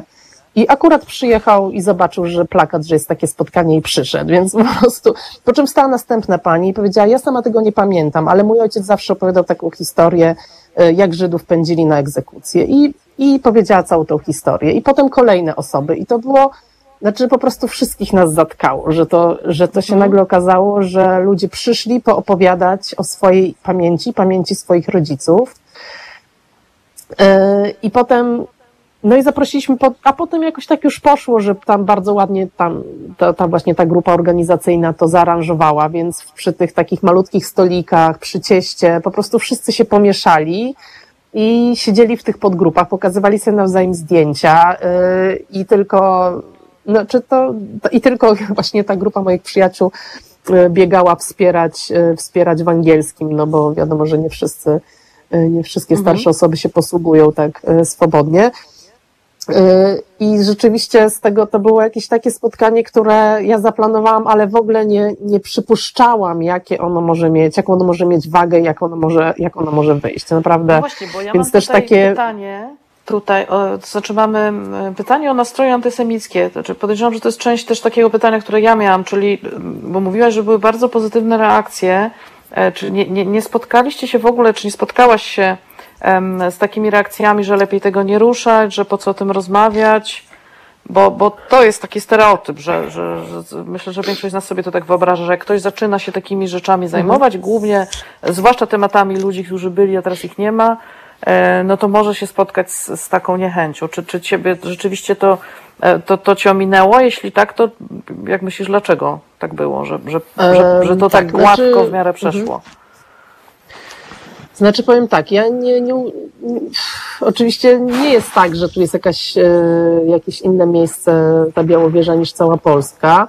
Natomiast e, tak, po pierwsze ja bardzo, bardzo starałam się i staram się dbać o to, żeby, mi zależy, żeby ta historia tu wróciła, tak, a nie na tym, żeby e, wyjąć coś na wierzch i proszę bardzo, tak.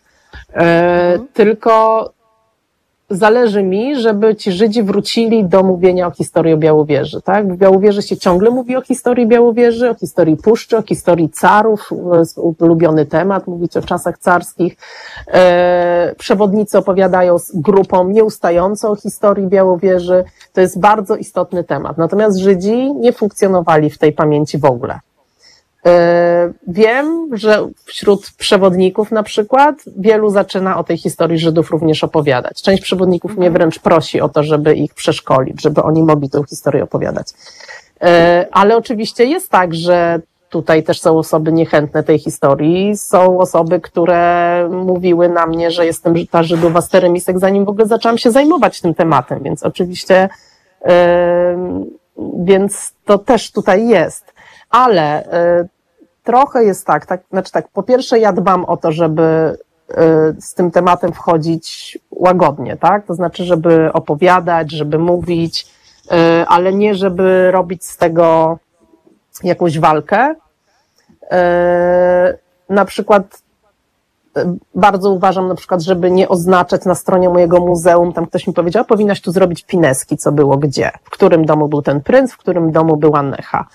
A ja właśnie specjalnie tego nie robię, tak? Znaczy uważam, że to dla pamięci o Żydach tutaj, to nic dobrego nie zrobi, że ja ludziom oznaczę te domy, a zaraz się z tym spotka się taka kontra, tak? Że jak to, no to wiesz, tak, jak, jest, już... jak jest traktowany ja temat własności w Polsce, tak? Taki stereotyp, więc e, jakby bardzo długo pokutował, że Niemcy wrócą i i będą, czyli turyści tak, niemieccy, którzy po prostu mnie... tu przyjeżdżają, no, byli traktowani z niechęcią i są nadal podejrzewani o jakieś niecne zamiary i w ogóle takie się unosi nad tym zapaszek, mimo tego, że no przecież tyle lat już minęło i już moje pokolenie tak nie ma, ale, ale no też to trochę niestety na te nastroje wracają, że no właśnie tu trzeba strasznie uważać, bo no bo ta poniemiecka historia, bo to znaczy po niemieckie... Zabiorą, no.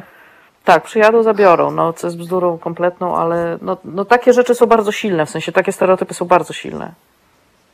Bardzo, dlatego jeżeli ktoś mnie zaprosi i powie mi, słuchaj, w tym domu mieszkała taka i taka rodzina, ja się spytam, ale dobra, mogę mówić? Mogę mówić, że w tym domu? Mogę, no to wtedy mówię, tak?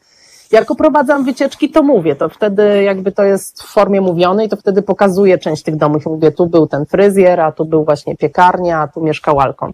Ale nie oznaczam tego w muzeum. Znaczy uważam, że to nic nikomu dobrego nie zrobi. E, jakby plusem też tego, że ta historia została dobrze przyjęta, jest to, że to właśnie tak jak mówiłam, to jest mała społeczność. Jednak trochę wiadomo, kto tutaj decyduje. Są rodziny istotne, które mają tutaj swój autorytet i miałam to szczęście, że one przyszły na to otwarcie mojego wirtualnego muzeum i wyraziły swoją aprobatę. Mhm. Nie wiem dlaczego akurat one wyraziły. Może dlatego, że same mają jakoś tą pamięć, tak? I, i mhm. więcej, jak bardziej im zależy na jakiejś e, dobrej historii niż na, e, niż są właśnie sami pełni, pełni jakichś obaw. I, I to było bardzo istotne. Znaczy po prostu wiem, że to, że parę, że parę konkretnych osób przyszło na to otwarcie wirtualnego muzeum i mi pogratulowało i powiedziało, że to dobrze, że to zrobiłam, zamknęło jakby drogę takiego publicznego mówienia tym, którzy nie są z tego zadowoleni. Ale oni oczywiście są i to nie jest tak, że w Białowieży nie ma osób niechętnych historii żydowskiej. Okay, nie jest wrócimy, różowo, na pewno. Zrobimy sobie przerwę jeszcze na chwilę muzyczną i wrócimy i porozmawiamy o tym, E, więcej o wirtualnym muzeum jeszcze. No i podsumujemy sobie też rozmowę, bo nie wszyscy nas słuchali od początku, więc wrócimy do początku, czyli jeszcze wrócimy do teatru, do uniwersytetu na chwilę, ale to za chwilę teraz muza. Słuchajcie powtórki programu. Halo Radio. Gadamy i trochę gramy.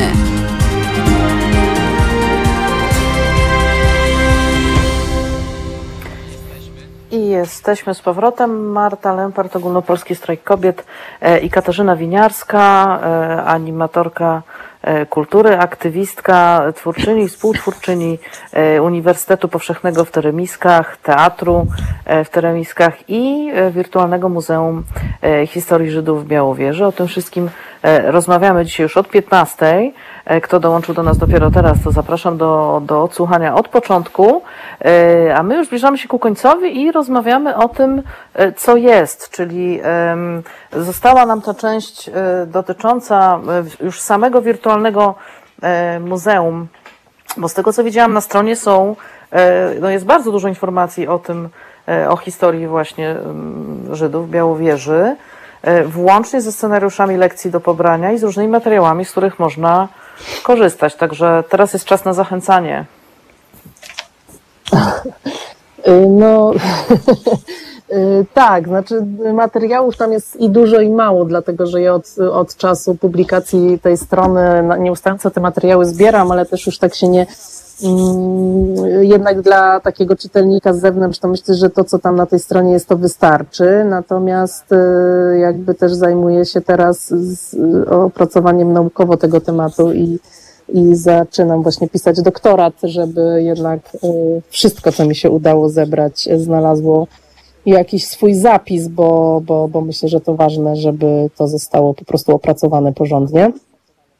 E, tak, no ale oczywiście zapraszam do zaglądania na stronę muzeum i zapraszam, e, zapraszam też do, do przyjechania do Białowieży i właśnie pójścia nie tylko do Puszczy, e, chociaż ona jest tutaj najważniejsza, ale też, ale też poświęceniu jakiegoś, jakiejś godziny na, na, na przyjrzenie się temu tematowi i odwiedzeniu, odwiedzeniu pomnika. Zresztą rzeczywiście coraz więcej osób widzę, że, że po prostu odwiedza, że to jest jakoś na szlaku E, takim turystycznym e, to miejsce, że ono jest odwiedzane. I rzeczywiście nie powiedzieliśmy o tym w końcu, ale teraz przez, y, przez y, ostatni czas nie graliśmy naszego spektaklu Sąsiedzi, których nie ma, ale mam nadzieję, że jeszcze nam się uda go parę razy pokazać, bo zdarza nam się z tym spektaklem też jeździć. Nie pokazywać go tylko u nas w Stodole, ale też, y, ale też jeździliśmy z naszym przedstawieniem. Pokazywaliśmy go i w Muzeum Polin, i w Łodzi, i w Sejnach, i w innych miastach.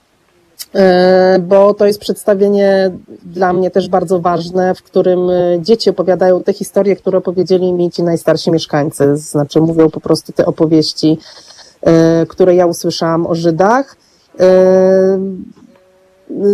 Spektakl wyreżyserowała Joanna Troc. Ja mam taki zwyczaj, że zapraszam specjalistów do tego, co robię, a co najwyżej ich organizuję. Nie, nie, nie rzucam się na na sfery, w których nie jestem specjalistką, więc y, Joanna pracowała z tą grupą wcześniej nad innymi rzeczami i to był taki moment, kiedy pomyślałam sobie, że kolejne przedstawienie, te dzieci już trochę dorastają, o, to jest bardzo zróżnicowana grupa wiekowo, e, młodzież właśnie i dzieci z Białowieży e, i spytałyśmy ich, czy oni by chcieli zrobić takie poważniejsze przedstawienie. Wcześniej robiliśmy wszystkie przedstawienia po białorusku. E, I mhm. oni powiedzieli, tak, to róbmy. I rzeczywiście to była bardzo trudna praca, ale y, dla nich y, dla nas też, ale, ale rzeczywiście to jest jakaś moc w tym, kiedy oni te historie opowiadają i kiedy oni opowiadają te historie tak, że właśnie to nie jest przedstawienie o zagładzie. Natomiast y, dorosły widz wie, co jest w tle i to chyba robi do, takie mocne wrażenie rzeczywiście na publiczności, że my nie mówimy o tym wprost, dlatego że jak zaczynaliśmy to przedstawienie, to najmłodsze dzieci, w tym moja córka, miały 7 lat. E, teraz mają już 12, ale e, te najmłodsze, e, ale tak, ale jeśli, jeśli będziemy jeszcze je pokazywać, jak już będzie jakiś lepszy czas na spotykanie się w, w różnych grupach, to też zapraszam, zapraszam do, do, do, jak będziemy gdzieś jeździć dalej z tym przedstawieniem, czy u nas do odwiedzenia nas i zobaczenia tego spektaklu, bo to często jest ważniejsze niż przejście się, y, przejście się i przeczytanie tablicy. No to jest o. bardzo ciekawe, jeszcze powtórzę to, co mówiłaś, że, mm, że te relacje, które, które zbierałaś, to, to były w dużej części relacje osób, które wtedy były dziećmi i opowiadały z perspektywy tego, jak się jak to było po prostu przed wojną, jak się żyło będąc dzieckiem. To jest bardzo ciekawe i myślę, że to jest coś, co e, na pewno. No niestety nie mamy szansy na inne, na inne historie w tej chwili po prostu. Tak, to już jest ostatni dzwonek. W tej chwili tak, to, to był. To jest w ogóle ostatni dzwonek i, i, i tych ocalonych osób jest coraz mniej. E, więc tym bardziej e, podziwiam i doceniam i myślę wszyscy, tutaj mam komentarze, zresztą widzę na YouTubie, Ania Derlenga pisze, mam łzy pod powiekami, o, widzisz. Także jeżeli masz wątpliwości, czy warto ja też. czasami, czy, czy jest dla kogo, to na pewno jest. No bo tyle. Tyle myślę, że to jest, że ta pamięć to jest coś takiego, co też nas jakoś tak buduje, bo, bo pamięć to są emocje.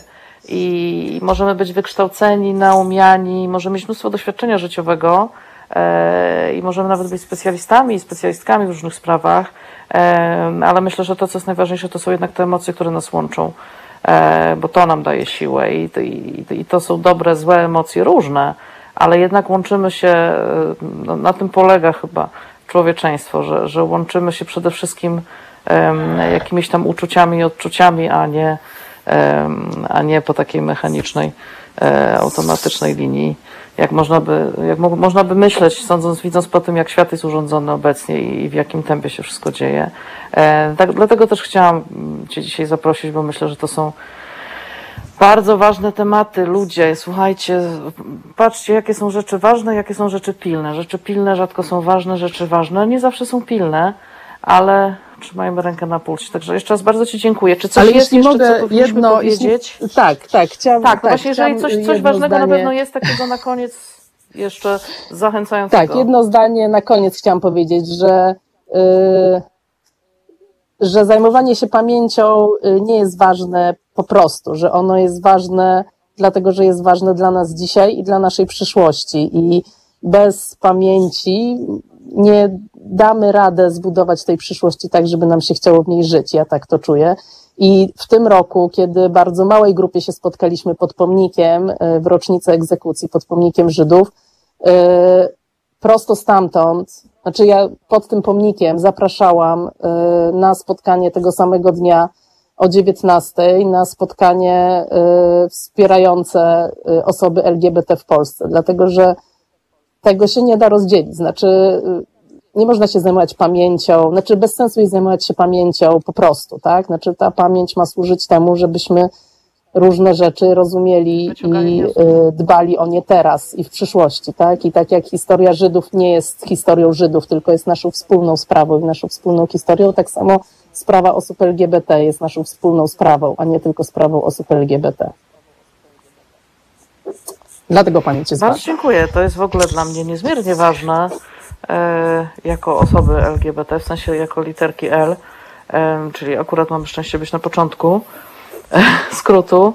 E, bardzo Ci dziękuję jeszcze raz i pamiętajmy, bez pamięci nie ma przyszłości. E, jedźcie do Białowieży ludzie. W ogóle trzeba jeździć, zwiedzać, oglądać, interesować się e, i trzeba robić rzeczy. Trzeba robić rzeczy, bo jak robimy rzeczy, to to jest szansa, szansa że że wygramy z szaleństwem i że się uchronimy przed zwątpieniem, przed frustracją. Jeszcze raz bardzo dziękuję i do zobaczenia, do usłyszenia, mam nadzieję. Dziękuję bardzo. Dzięki. Dziękuję bardzo. Moją gościnią była Katarzyna Winiarska. Wejdźcie na stronę Wirtualnego Muzeum Historii Żydów Białowieży. E, zobaczcie w ogóle, co dzieje się w tych okolicach. Zainteresujcie się też Puszczą i historią walki o Puszczę, e, bo to jest też pamięć, którą trzeba nieść.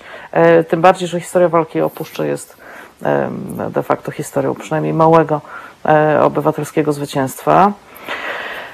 A ja już będę powoli kończyć, natomiast przypomnę jeszcze, co działo się w, w tym tygodniu. W tym tygodniu jak słusznie zostałam tutaj poprawiona na czacie, Margo Szutowicz nie wyszła z więzienia, tylko oczywiście z aresztu. E, już mi się wszystko myli. I to jest ta dobra wiadomość. Zastanawiam się, co, co, tylko co myślą ci, którzy strasznie gardłowali, że no, widocznie, widocznie sobie zasłużyła, skoro się okazało, że jednak zażalenie chwyciło i, i Margo jest na wolności.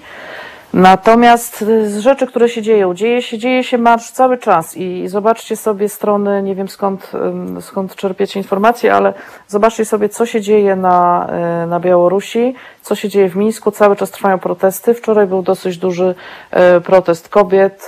OMON był kompletnie bezradny, natomiast no dzisiaj nadrabia, jest agresywny, jest agresywnie, ale też nie bardzo radzą sobie z demonstrantami, tym bardziej, że jest dziesiątki tysięcy ludzi już w tym momencie znowu na ulicach, a przypominam, że e, wybory zostały sfałszowane, jak napisał mm, Michał Szczerba, jedyny poseł w ogóle z, z, z Unii Europejskiej, który e, pojechał obserwować wybory na Białorusi. E, to już, jest, to już są cztery tygodnie. Cztery, cztery tygodnie temu zostały sfałszowane wybory na Białorusi i oni cały czas protestują. Także pa, śledźmy to. E, jeżeli nie możemy wesprzeć inaczej, e, to przynajmniej mówmy o tym e, i podawajmy dalej. I dzieje się też dzisiaj, zadział się, zadział się protest z inicjatywy tak zwanej młodzieżowej, czy też młodych osób LGBT. Inicjatywa się nazywa No More, ze wsparciem starszych kolegów, starszych koleżanek, między innymi dziewczyn i kobiet z Warszawskiego Strajku Kobiet przeciw nienawiści wobec osób LGBT. E, młodzi ludzie się organizują, więc jeżeli e, starzy demokraci pytacie, gdzie są młodzi, no to wam mówię, gdzie są młodzi, tam są młodzi. Właśnie e, walczą o swoje, czy wam się to podoba, czy nie. I tak to już teraz będzie, nikt nie będzie raczej uzgadniał posunięć, co najwyżej zwróci się o pomoc na swoich warunkach i no i nie dając się zapędzić wróg. To jest dla mnie też nadzieja, niedługo będzie można iść, mam nadzieję, na aktywistyczną emeryturę, bo idzie nowe pokolenie. Oby tak było, chociaż no na pewno jakaś tam droga przed nami. E, bardzo Wam wszystkim serdecznie dziękuję. Róbmy rzeczy, róbcie rzeczy. Podrzucajcie mi też pomysły, z kim chcecie, żebym porozmawiała, jaką gościnie jaką znacie dziewczynę, kobietę robiącą fantastyczne rzeczy, o których ja na przykład jeszcze nie słyszałam, czy o której nie słyszałam, a co do której myślicie, że powinni ją poznać słuchacze i powinny ją poznać słuchaczki Haloradia. W przyszłym tygodniu moją gościnią będzie Wiktoria Bielejaszyn, dziennikarka, która była w Mińsku i relacjonowała stamtąd protesty po sfałszowaniu wyborów na Białorusi. Teraz jest w Polsce, ale, ale cały czas się zajmuje tym tematem i będziemy oczywiście rozmawiać o Białorusi, w tym o protestach kobiet na Białorusi. A za dwa tygodnie moją gościnią będzie Agata Korycka, reżyserka, autorka filmu Nad Wisłą, w którym splatają się dwa ważne wątki. Wątek społeczności LGBT i wątek policji. Także będzie na bieżąco. Premiera tego filmu już niedługo. Jeżeli macie jakieś propozycje fantastycznych super kobiet robiących rzeczy i mówiących o fajnych rzeczach, to podpowiadajcie i będziemy działać. Bo trzeba się dzielić pozytywnymi informacjami. Trzeba um, przede wszystkim mówić o tym, co możemy zrobić i co jest robione, tak żebyśmy wiedzieli że, i wiedziały, że się dzieje. Pani Katarzyna Wójtowicz z inicjatywy Dość Milczenia jest propozycja. Tak, rozmawiałyśmy, ja już z nią wstępnie rozmawiałam, tylko ona e, była, mm, chyba jechała wtedy na, na, na, na jakiś zjazd, akurat na ten termin, kiedy kiedy próbowałyśmy się umówić, ale na pewno wrócimy dla innych słuchaczek, słuchaczy, bo to jest propozycja z czatu. Pani Katarzyna, Katarzyna Wojtowicz prowadzi taką inicjatywę, która się nazywa Dość Milczenia.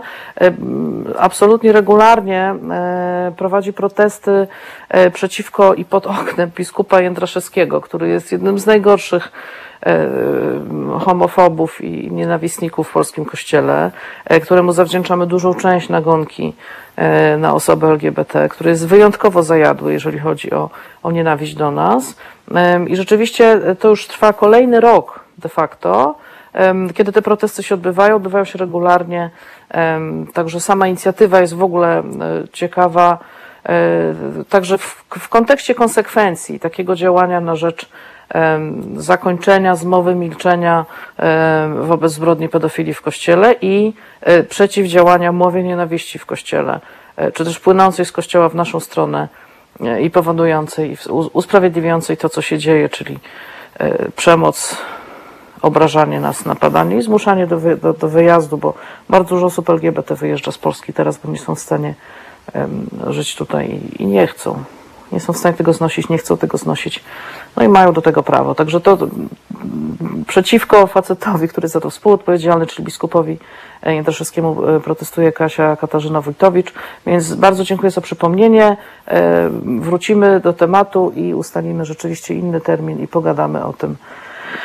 No właśnie, skąd brać siłę, żeby konsekwentnie mówić o tym, że polski episkopat, a w szczególności niektórzy biskupi są bardzo mocno nie okej, okay, razem zresztą z całym Kościołem. Przypominam też o, o, przy okazji, skoro już jesteśmy, przypomnę o zrzutce, zresztą to się pokazuje też tutaj na, na czacie, zrzutka na billboardy, przypominające o tym, ile kosztuje nas Kościół katolicki, czyli ile płacimy za to, że ta instytucja na nas napada i, i nas obraża. Instytucja wczoraj, wczoraj chyba, wydała takie stanowisko obrzydliwe, gdzie straszliwie kłamie na temat społeczności LGBT, na temat w ogóle istnienia orientacji seksualnych i przyznaje się do tego, że będzie prowadzić tak zwane terapie konwersyjne, czyli zmianę, tak, zmianę orientacji seksualnej, czyli działania na rzecz zmiany orientacji seksualnej, co jest zakazane w większości cywilizowanych krajów jako ponieważ nosi znamiona tortur i najczęściej ma, takie, ma taką formę. Nie ma nic wspólnego z żadną terapią i nie ma nic wspólnego z, z żadnym wsparciem. To jest po prostu dręczenie ludzi, którzy są o orientacji innej niż heteronormatywna w celu zastraszenia ich na tyle, żeby udawali, że jednak są heteronormatywni, więc to zapowiedział episkopat, że będzie tworzyć tak zwane poradnie, czyli pewnie jakieś obozy bardziej, w których będzie naprawiać osoby LGBT, czyli Idziemy bardzo szybko w kierunku różowych trójkątów, chociaż różowe trójkąty mieli tylko mężczyźni. W Auschwitz kobiety lesbijki były traktowane jako po prostu osoby aspołeczne i, i, miały czarne oznaczenia. Natomiast no, episkopat wczoraj zapowiedział, że będzie placówki naprawcze tworzyć dla osób LGBT, także to jest. No właśnie, miały być dobre informacje, na koniec coś takiego. No ale to jest fakt, trzeba o tym powiedzieć. Coś teraz muszę koniecznie pozytywnego, bo nie chcę z tymi dziadami was zostawiać teraz. Co się dobrego wydarzyło? E, znowu wrócę do, do protestu, który się odbył dzisiaj w Warszawie.